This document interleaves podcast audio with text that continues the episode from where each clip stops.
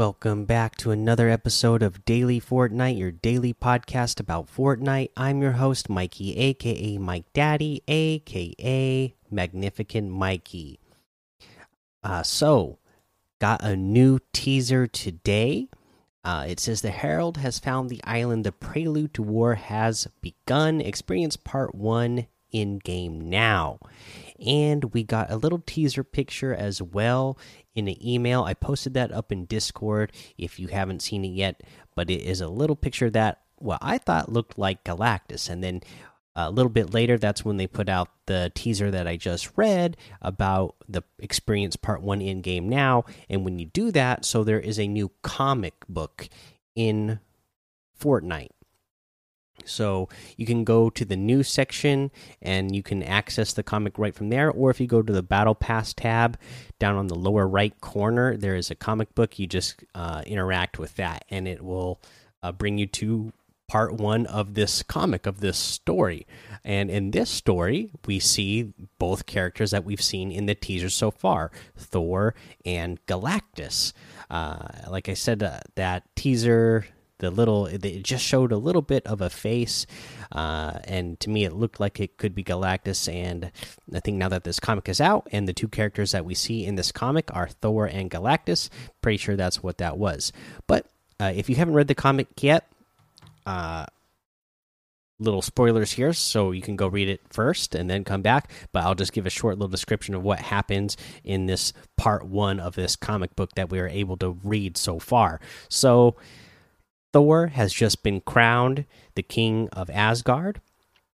Uh, Galactus crashes on his planet and tells Thor about this black winter that is coming and how he can prevent it. Uh, and we all know Galactus, he's the eater of worlds, right? So uh, there's five special planets apparently that he uh, he needs to consume, and once he consumes those five planets, those five planets would give him the ability to fight off this black winter that is coming. Uh, so Thor is going to help him do that, uh, so that he can prevent that from happening at Asgard.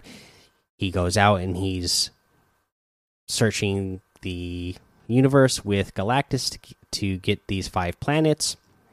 Uh, and then something distracts Galactus. He sees another planet that he's distracted by, and he thinks that it looks like it has a lot of energy and power that can give him a lot of power if he consumes it. So he heads off in that direction. Thor is telling him no.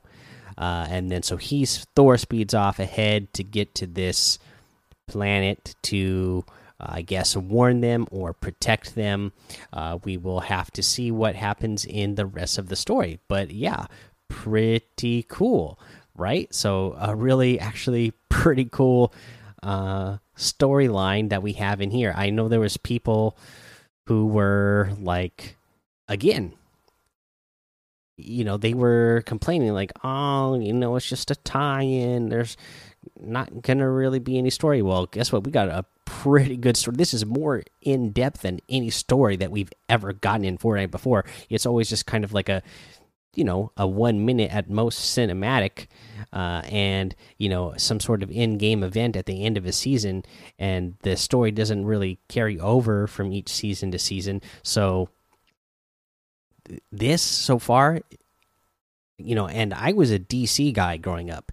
Uh, but with with what we got going on with this little Marvel Marvel story that we have going on, I'm really intrigued and uh, by this story. You know, for real in Fortnite. Like I was like, oh wow, this is really good. This is this is cool. This is uh, interesting. This is exciting. Like, uh, what what could this mean? You know, what could this bring to Fortnite potentially? You know, uh, we've had uh, things in the past. I, like I said, I think it'd be kind of cool if there was. I don't know what will happen, but you know what would be really cool, in my opinion, is if we had some sort of in-game event uh, where obviously, you know, we've had the Avengers. We've got to be the Avenger characters and fight Thanos before. But what if we had to fight Galactus? That would be pretty cool. And what if it was like a big, you know, another big game event where all the players, all the users across uh, Fortnite were all doing this event at the same time where you had to fight uh, Galactus and do so much damage to him uh, to defeat him. Uh, that I think that would be pretty cool. Uh, I don't. Again, I have no inside information, but that is one way they could do it. That would be cool. Uh, but whatever they have lined up, I'm sure it is uh, really cool. So we'll we'll see. So there's that. Uh, those teasers there. Again, don't forget that Sunday, August 23rd. That is when the free Fortnite Cup is happening.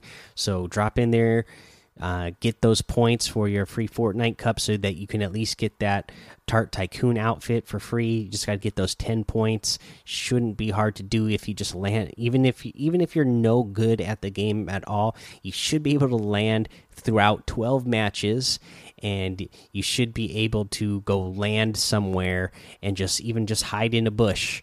Uh, you know, over 12 matches, you ha you have to survive for 30 minutes total.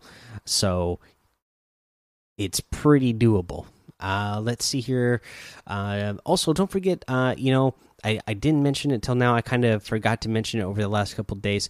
But the DreamHack finals have been going on this weekend. EU is also so, uh, Sunday, uh, the 23rd. So go check that out. Always good, fun competition uh, to watch some high competitive, high skill competitive Fortnite going on uh, four uh, challenge tips. Let's see here. What what did we cover? We covered the dancing at the dance floor. We collected fireflies from Weeping Woods. I believe those were the two I covered so far. So destroy shipping containers at dirty docks. Uh, I have a YouTube video up for that as well. You know, if you go up to a shipping container, you're gonna break a container fast faster if you hit the weak points.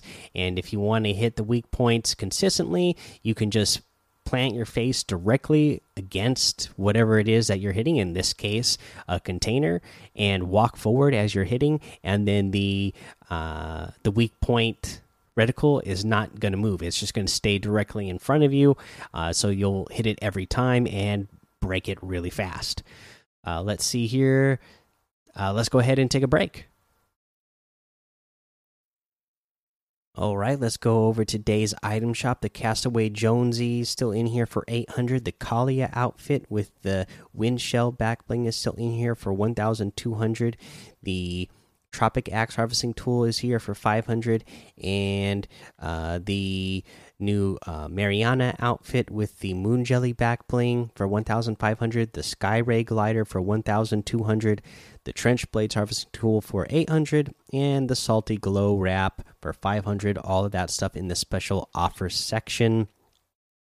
Uh, in the featured section, we have the Blaze outfit with the Fire Starter back bling back in the item shop for 1500 absolutely love this one uh, we have the Par Patroller outfit for 800 with the Hook Slicer harvesting tool for 500. Uh, the Tempest outfit with the Lightning Cloak backbling for 2000. The Bolt outfit for 800. The Storm Bolt harvesting tool for 1200. The Storm Eye glider for 1200 and the Turbulent wrap for 500. Uh, you have the Snorkel Ops outfit for 1200 the Fractal Zero wrap for 500, the Twist emote for 500, the Have a Seat emote for 200, the crabby emote for 500, and the Brute Gunner outfit for 800. You can get any and all of these items using code Mike Daddy, M M M I K E D A D D Y in the item shop, and some of the proceeds will go to help support the show okay, guys, uh, you know,